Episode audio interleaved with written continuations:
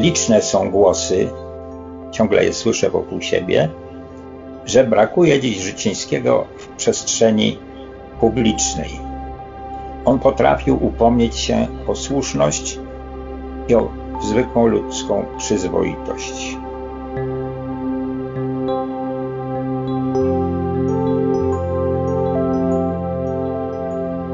Pewne różnice są nieuniknione w naszej wizji świata. Inaczej odbiera to samo zjawisko sportowiec, inaczej artysta, jeszcze inaczej matematyk. Trzeba umieć różnić się pięknie.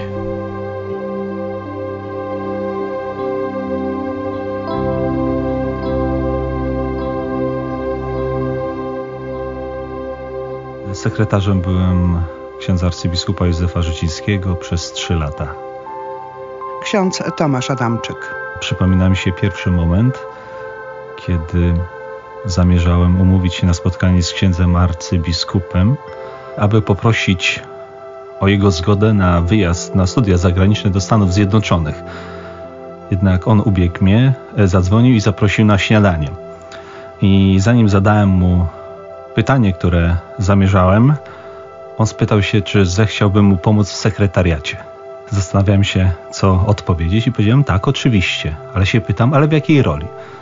A on mówi, o tutaj przy sprawach organizacyjnych i nagle zmienia temat i zaczyna mi mówić o książkach, które zamierza zaraz czytać i wręczył mi nawet, pamiętam, książkę Stasiuka.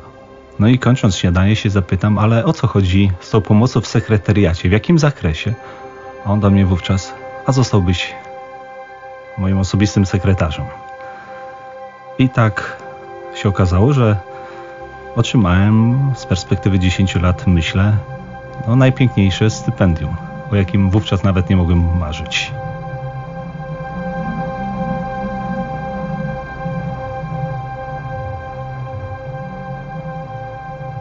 10 lutego w Katolickim Uniwersytecie Lubelskim odbyła się konferencja pod tytułem Józef Życiński jako człowiek dialogu. Aktualność przesłania arcybiskupa Józefa Życińskiego. Z powodu pandemii konferencja odbyła się online. Szczęść Boże, dzień dobry, serdecznie witam Państwa na konferencji w dziesiątą rocznicę śmierci arcybiskupa Józefa Życińskiego. I na początku oddaję głos księdzu arcybiskupowi Stanisławowi Budzikowi, metropolicie lubelskiemu. Dziesięć lat temu dotarła do nas zaskakująca wiadomość o odejściu arcybiskupa Józefa Życińskiego. Ta wiadomość wywołała wielki rezonans w mediach. Był on bowiem postacią szeroko znaną. Mówiono, że odszedł człowiek głębokiego serca, gorącego umysłu, życzliwy, ufny wobec każdego, ale z drugiej strony bezkompromisowy wobec fałszu i zła. 10 lat w życiu człowieka to jest fragment historii, która się toczy i narasta. Ksiądz profesor Michał Heller. Ale 10 lat od śmierci to jest historia, która już się zakończyła, która staje się dziedziną pamięci. Ale pamięć jest wybiórcza i podległa działaniu czasu. Myśląc o Józefie Życińskim z perspektywy tych 10 lat, powinniśmy zachować moim zdaniem w pamięci trzy dziedziny jego działalności. Życiński jako uczony, jako filozof i teolog, ale również Życiński jako literat, a także publicysta.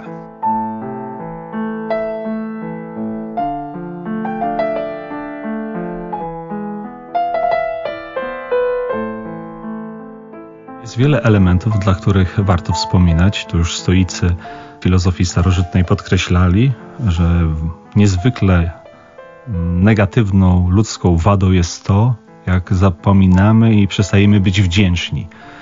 A więc w ten sposób chciałem wyrazić wdzięczność wobec osoby księdza arcybiskupa Józefa. A drugi element, y, uważam przede wszystkim, że jego myśl i przesłanie jego życia jest dalej aktualne, a być może nawet jeszcze bardziej niż to było za jego życia. Dlatego uważam, że warto wracać zarówno do jego myśli, idei, ale także do postaw, które dzisiaj powinny przede wszystkim być znaczące także w Kościele katolickim. Mówiąc hasłowo, chciałbym przede wszystkim podkreślić, że istotną rolę odgrywa tutaj obrona racjonalności, czyli podkreślenie, że wiara potrzebuje rozumu, ale i rozum potrzebuje wiary. Dobrze wiemy, co się stało w XX wieku, kiedy odrzucono wiarę, a starano się tylko i za głosem rozumu. Tutaj kominy i krematoria oświęcimskie i wywózki dalekie na Sybir są świadectwem. A więc potrzebujemy oczyszczać nasz rozum także poprzez wiarę, ale także i, i, wiara potrzebuje rozumu, żeby nie była nieracjonalna, niemądra, a czasami wręcz szkodliwa. I tego uczył nas ksiądz arcybiskup. Dwa, otwartość na odmienne poglądy, na to, że pomimo różnic możemy ze sobą rozmawiać. Kolejna rzecz. Uważam, że arcybiskupa przesłanie, jeżeli chodzi o zaangażowanie w życie społeczne, dalej jest aktualne, aby szukać wspólnych wartości. I uwielbiam tę jego metaforę, która ma nawiązanie do e, jednego z ulubionych jego filozofów, Alfreda Whiteheada, że każdy z nas ma swoją partyturę do odegrania, ale możemy wszyscy stworzyć tak piękną symfonię, której dyrygentem będzie Pan Bóg. Ona będzie zmieniała nas, nasze serca i w ogóle świat. Pewne różnice są nieuniknione w naszej wizji świata. Trzeba umieć różnić się pięknie. Ale na przekór tej zasadzie niektórzy nie chcą różnić się pięknie, tylko mówią: ważne, żebyśmy wszyscy mówili jednym głosem. Mówienie jednym głosem może być atrakcyjnym zadaniem w przedszkolu, gdzie przedszkolaki recytują jakiś tekst, może nawet w warunkach zmilitaryzowanych, gdzie kapral może przemówić i oczekiwać krótkiej, jednogłośnej odpowiedzi. Natomiast na co dzień obyśmy mówili jednym językiem, językiem szacunku dla człowieka językiem miłości, solidarności, ale nie tęsknijmy za jednym głosem, bo to niedojrzałe. Trzeba natomiast nam różnić się pięknie i szanować tych, którzy mają odmienne poglądy. Myślę, że osoby, które są wyraziste, mają swoje poglądy, zdanie, są zdecydowane, bardzo często natrafiają na sprzeciw ale on brał to pod uwagę, nie bał się tego. Przypomina mi się także taka sytuacja, jak zastanawiał się jechać na przystanek Woodstock. Wiele osób mu odradzało, że to był błąd. Później go bardzo wielu krytykowało.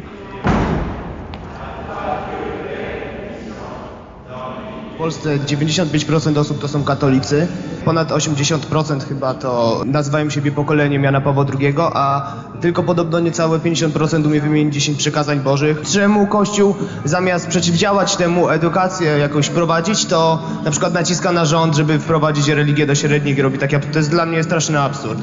Właśnie sądzę, że tu jeszcze ważne byłoby dodatkowe rozróżnienie między wiedzą a praktyką. Niestety sama wiedza nie prowadzi do cnoty. Był taki myśliciel starożytnej Grecji Sokrates, który żył iluzją, że wystarczy poznać, ażeby działać zgodnie z poznaną wiedzą. My niestety wiemy, że to jest skomplikowane. Stopnie poznania mogą być różne. Można znać doskonale na wyrywki dziesięcioro przykazań i mieć praktykę życia będącą zaprzeczeniem. Także niestety nie ma takiego prostego skojarzenia. Człowiek jest istotą znacznie bardziej skomplikowaną. Gdybyśmy byli komputerami, przycisnąłbyś przycisk, wprowadził informację i wynik byłby zawsze logiczny. A my nie jesteśmy zawsze logiczni. Jesteśmy rozdarci, niekonsekwentni, kierujemy się uczuciami, pasją, ale inna rzecz, czy któraś z dziewcząt chciałaby zakochać się w komputerze? Tak. Te, które studiują informatykę, to ja rozumiem, ale, ale pozostałe. Śmiem twierdzić, że piękno ludzkiego życia przejawia się w tym, że cenimy nie tylko to, co logiczne, ale także to, przede wszystkim to, co wychodzi poza logikę. Wyobraźcie sobie, że idziecie na spacer z kolegą, który ma imponującą wiedzę astronomiczną i popis, y, może nawet to nie jest popis, tylko informujecie. Zobacz księżyc, odległość od Ziemi tyle i tyle, promień taki i taki, albedo takie i takie. Przecież z takim można by się na śmierć zanudzić. Wtedy i dzisiaj pewnie wiele osób krytykuje arcybiskupa za to, że tam pojechał, a ja sobie myślę, że to on miał rację.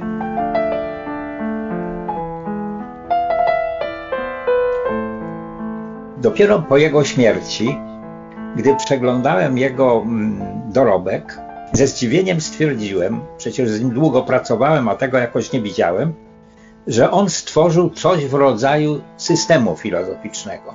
On wprawdzie nie lubił słowa system filozoficzny, starał się być, jeśli tak można powiedzieć, filozofem międzysystemowym, raczej atakować problemy niż tworzyć sieć pojęciową, którą potem by się sam mógł uwikłać. Niemniej jednak z tych jego kawałków rozmaitych dorobków, różnorodnych, układa się pewnego rodzaju całość. Oczywiście pierwszym elementem tej jego całości jest filozofia nauki. Mało kto wie, że Życiński na początku swojej naukowej kariery chciał studiować matematykę. Więcej, on nawet rozpoczął te studia, zaczął uczęszczać na wykłady matematyki na Uniwersytecie Jagiellońskim, ale szybko zdał sobie sprawę, tu poczucie jego realizmu było naprawdę duże, że przy swoich obowiązkach kościelnych nie będzie w stanie tego zrobić. I jego wielką zasługą jest to, że w latach 70. w znacznej mierze zaszczepił on zachodnią filozofię nauki anglosaską, jeśli nie w Polsce, to w każdym razie w środowisku krakowskim. Pamiętam, jak na seminaria, które prowadził ze studentami, przychodził co tydzień obładowany różnymi książkami zachodnimi, które jakoś udawało mu się sprowadzać. I to także ściągało zastępy studentów z innych uczelni, żeby posłuchać co nowego filozofii.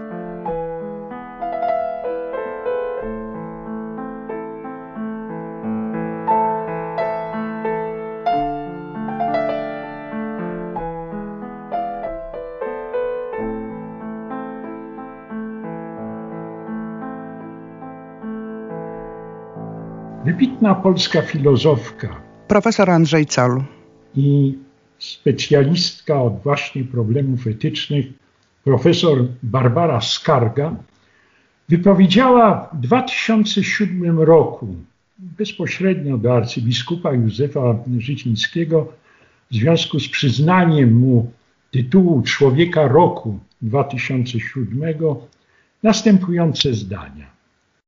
Wybrałeś drogę na której już nie możesz pozostać obojętny wobec żadnej kropli zła, wobec żadnego błędu, a także żadnego cierpienia.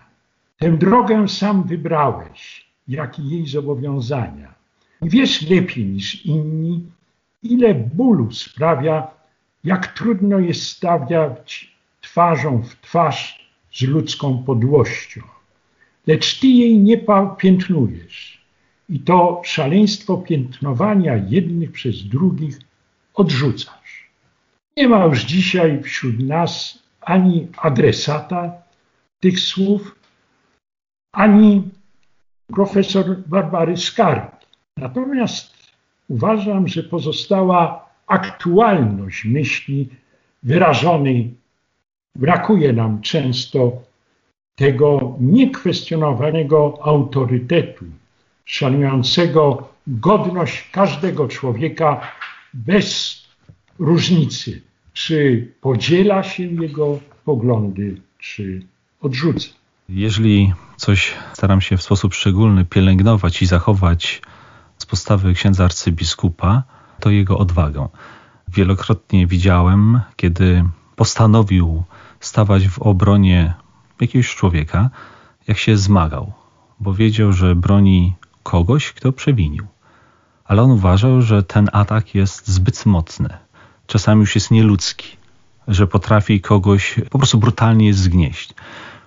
I on zastanawiał się, czy ma stawać w jego obronie, czy sobie odpuścić. Nawet siostra, pamiętam zakonna, która w domu arcybiskupim pomagała, mówi, a niech ksiądz sobie arcybiskup da spokój, bo znowu będą go krytykować. A on wówczas tak popatrzył na nią, mówi, moim zadaniem jako z księdza głosić Ewangelię i bronić ludzi. I pamiętam, jak po śmierci przyglądałem maile, jeden z nich zawierał informację, że człowiek, który był przez arcybiskupa broniony, napisał, że wówczas dodało mu to odwagi, bo przychodził już mu nawet na myśl myśli samobójcze. I sobie pomyślałem, że to on miał jednak rację, znowu, że warto bronić człowieka, chociaż czasami po ludzku jest to dla nas nieopłacalne, bo stracimy dobrą opinię, ale jest to postawa słuszna, że warto stawać w obronie drugiego człowieka, pomimo tych różnych zawierowań, które się teraz wokół nas dzieją. Medytacja trzecia. Romeo i Jola. Czas spotkań z maluchami lubię często rozmawiać o ich filozofii życia, ich wyborach i wartościach. Odwiedzałem niedawno dzieci, które przyjechały na obóz organizowany przez archidiecezjalną Caritas. Dzieci z najuboższych rodzin, które cieszyły się, gdy mogły zagrać w piłkę w lesie, pójść na spacer nad jezioro, rozmawiać o sprawach niezwiązanych z codziennym przetrwaniem. Kiedy zacząłem pytać się o to, kim chciałyby być w życiu i jakie są ich życiowe marzenia, na początek wszystkie mi opowiadały, że chciałyby być świętymi i podawały przykłady tych świętych, którzy najsugestywniej, najmocniej oddziałują na ich psychikę. Później natomiast, kiedy oswoiliśmy się, okazało się, że oprócz tęsknot za świętością, dzieciaki mają jeszcze nieco innych tęsknot i marzeń i dość szybko okazało się, że wśród dziewcząt nadzwyczaj popularne są marzenia o tym, by zostać aktorką lub modelką, a chłopcy chcieliby być bokserami. Czasem pojawiało się nawet połączenie marzeń o aktorstwie i o mocnym bokserskim stylu bycia. Jeden z chłopców zadeklarował, że najbardziej chciałby być aktorem, który gra takie twarde role jak Linda a później inny włączył się z marzycielskimi refleksjami, mówiąc, że on chciałby być aktorem i chciałby występować jako Romeo. Zapytałem go, czy ma swoją Julię. Przez chwilę się speszył, a później nabrał odwagi, wziął oddech i powiedział: Tak, pani Jola. I wskazał na jedną z wychowawczyń. Wakacyjnych sympatyków Romea można spotkać nie tylko wśród dzieciaków. Nieraz w naszej psychice walczą, współistnieją różnorodne wzorce bycia i to, co wielkie i trudne, współistnieje z tym, co prozaiczne, a obok tego dochodzi jakiś składnik twardości, efektownego stylu, który może pociągać i rozpalać wyobraźnię. I dlatego czymś ważnym jest umiejętność dokonywania wyborów, żebyśmy nie byli ludźmi, którzy idą za ostatnim bodźcem, żebyśmy nie szukali tego, co barwne, choć łatwe, żebyśmy umieli dążyć w stronę wielkich, trudnych decyzji. Tego nie dokonuje się aktem jednorazowego wyboru. Wymaga to pewnej kultury ducha, długofalowej formacji, zapatrzenia w pewien świat ideałów i wartości. O i właśnie dlatego czymś ogromnie ważnym jest nasze zainteresowanie światem kultury. Świat naszych bohaterów książkowych czy filmowych, w jakiś sposób istnieje potem w naszych ocenach, decyzjach, wyborach. Jest kontynuowanych wiele dzieł księdza arcybiskupa. Choćby są kontynuowane kongresy kultury chrześcijańskiej, które on założył, a które co cztery lata dalej organizujemy. Dziękuję bardzo. Pamiętam jeszcze te czasy, kiedy za określenie inspirator groziły kary do lat pięciu.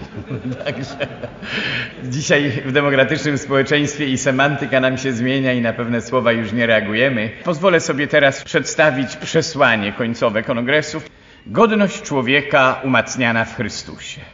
Przesłanie Kongresu Kultury Chrześcijańskiej, Lublin, Katolicki Uniwersytet Lubelski, 6 listopada 2000 roku. Pierwsze. Przez kulturę Bóg śpieszy na pomoc człowiekowi. Jezus Chrystus stanowi ostateczną podstawę naszej nadziei.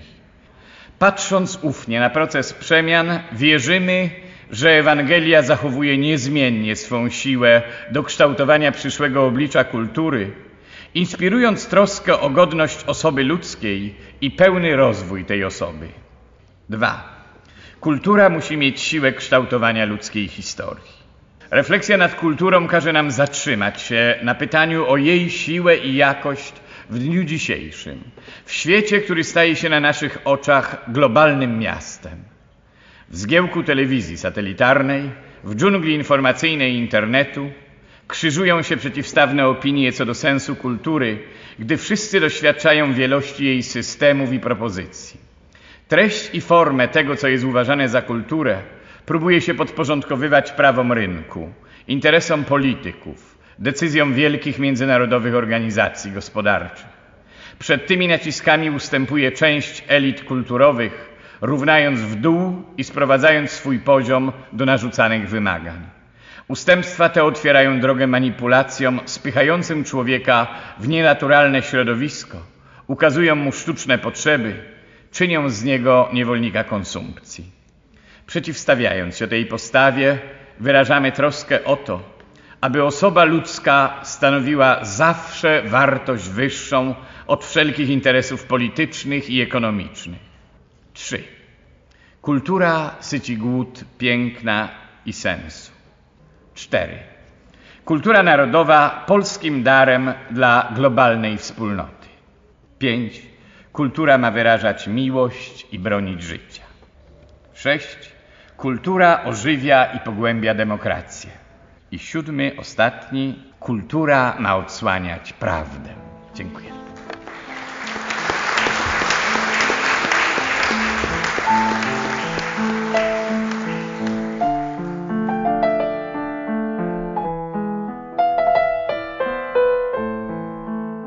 Chciałbym na początku, ale to ważne, wytłumaczyć. Redaktor Marek Zając. Skąd taki tytuł mojego wystąpienia, bo nie jest on przypadkowy. Głos, którego brak. Zacznę od tego braku. Nie chodzi tu o jakąś nostalgię, chociaż wszyscy, nie boję się użyć tego słowa, tęsknimy za księdzem arcybiskupem, za jego obecnością i jego głosem. Bardzo ludzka prywatna, a może nawet intymna tęsknota. Nie tylko chodzi o taki właśnie brak, o jakieś nostalgiczne stwierdzenie, czy broń Boże narzekactwo. Problem leży gdzieś indziej. Czy my jesteśmy w stanie uczyć się czegoś ważnego od odchodzących ludzi wielkich? Kiedy więc w tytule mojego wystąpienia mówię o braku, mówię przede wszystkim o naszym problemie, o problemie współczesności, o problemie współczesnego Kościoła, współczesnej Polski czy współczesnej debaty medialnej. I drugi element tego tytułu, głos, słowo głos, ono jest bardzo ważne. W przypadku arcybiskupa mieliśmy do czynienia naprawdę z głosem, nie z krzykiem, nie z wrzaskiem, nie z rechotem, ale z głosem.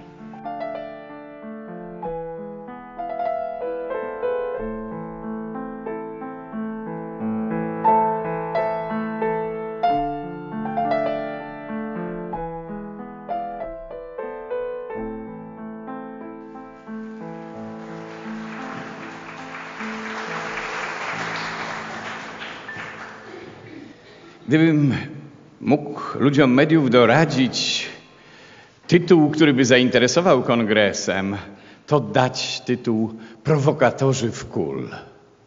Istnieją sytuacje, kiedy trzeba dokonać wyraźnego wyboru.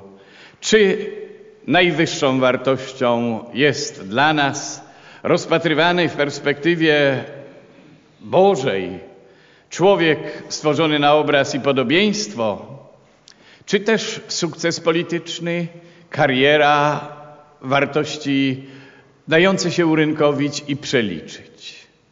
Oj, gdy pojawiają się w polskich obecnych polemikach sugestie, że osobę ludzką można traktować instrumentalnie, że w pewnych sytuacjach cel uświęca środki, że pewne odpowiednio ważne sukcesy polityczne usprawiedliwiają każdy typ nieodpowiedzialnych zachowań, wtedy możemy pytać, co Polacy zrobili z nauczaniem Jana Pawła II o tym, że demokracji nie można zbudować bez wartości i tym samym bez głosu sumienia?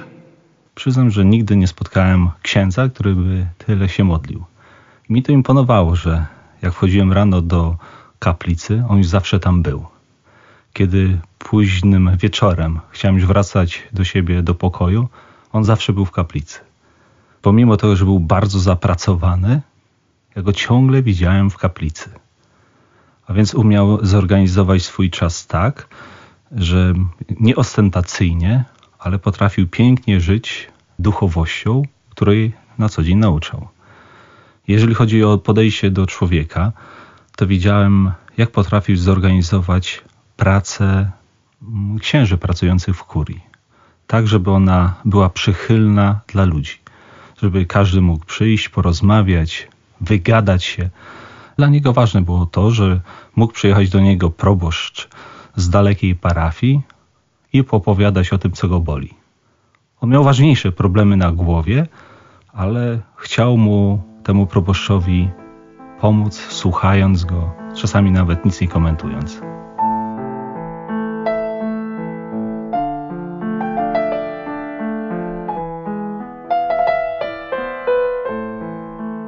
Tak, i mi się przypomina nasza choćby ostatnia wigilia, gdzie zaprosił studentkę z dalekich Chin, żeby przyszła na wieczerzę wigilijną. Ona studiowała wówczas filozofię. Przyjeżdżając do Polski, nie znała w ogóle chrześcijaństwa. On ją spotykał na swoich wykładach, wiedząc, że jest jej trudno, wspierał ją także finansowo. I kiedy przyszła Wigilia, żeby nie była w Lublinie sama, zaprosił ją do nas do stołu. Ale to była tradycja, że zawsze, nawet to był mój obowiązek jako sekretarza, znaleźć osoby, czy to starsze, czy z domu dziecka, czy emigrantów, żeby przyszli do nas na wieczerzę wigilijną. I tutaj mogę dodać, że ta Chinka w dniu śmierci księdza arcybiskupa późnym wieczorem zadzwoniła do mnie zapłakana, że nie może sobie dać rady ze śmiercią arcybiskupa i powiedziała, że był dla niej jak ojciec. I dodała, że pierwszy raz otworzyła komputer, znalazła w internecie, jak się modli na różańcu i powiedziała, że odmówiła go za niego. Po kilku miesiącach zadzwoniła, mówiąc mi, że zamierza przyjąć chrześcijaństwo.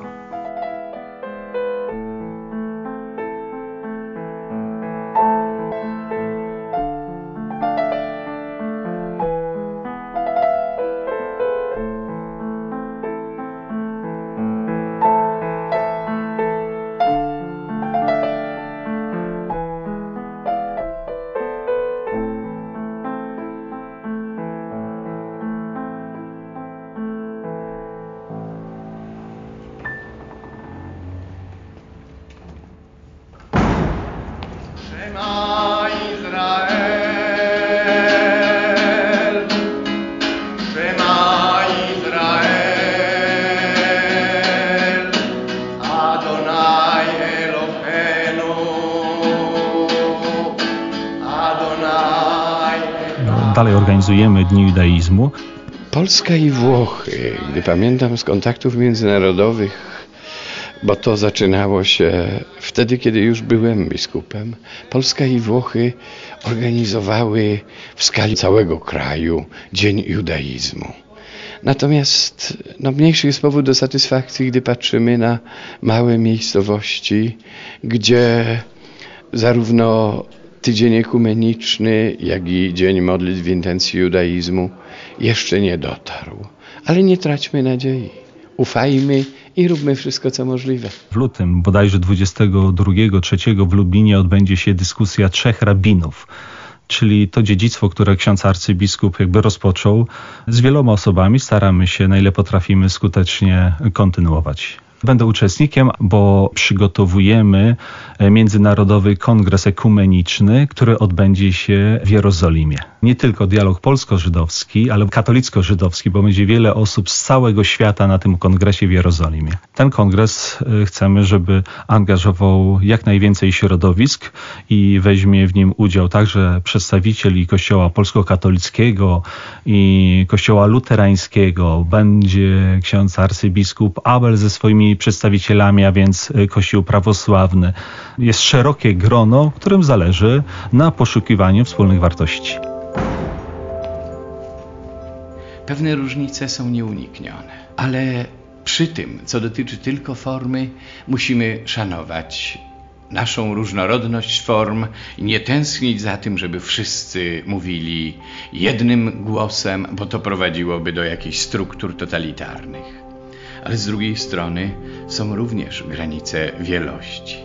Jeśli ktoś marzyłby, że w tym samym domu, przy tej samej klatce schodowej będą sobie mieszkać pospołu pacyfista śpiewający tylko pokojowe songi i ktoś to metodą chałupniczą konstruuje reaktorek atomowy, to byłoby to dość mocne złudzenie. Któregoś wieczoru bowiem reaktorek może zafunkcjonować i obaj, zarówno pacyfista, jak i konstruktor, wylecą w powietrze.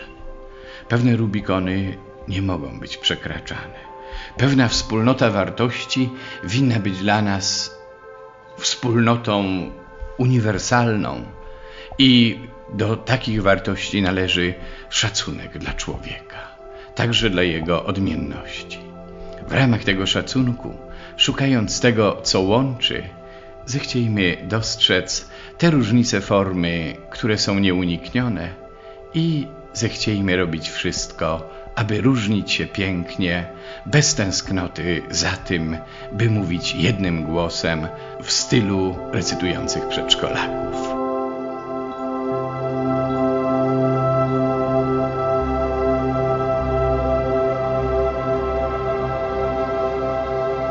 Mówi się, że nie ma ludzi niezastąpionych, ale Życińskiego przestrzeni publicznej nikt dotychczas nie zastąpił. Sam Życiński niekiedy powtarzał przysłowie psy szczekają, karawana idzie dalej. Nasuwa się pytanie, czy dziś ta karawana idzie dalej?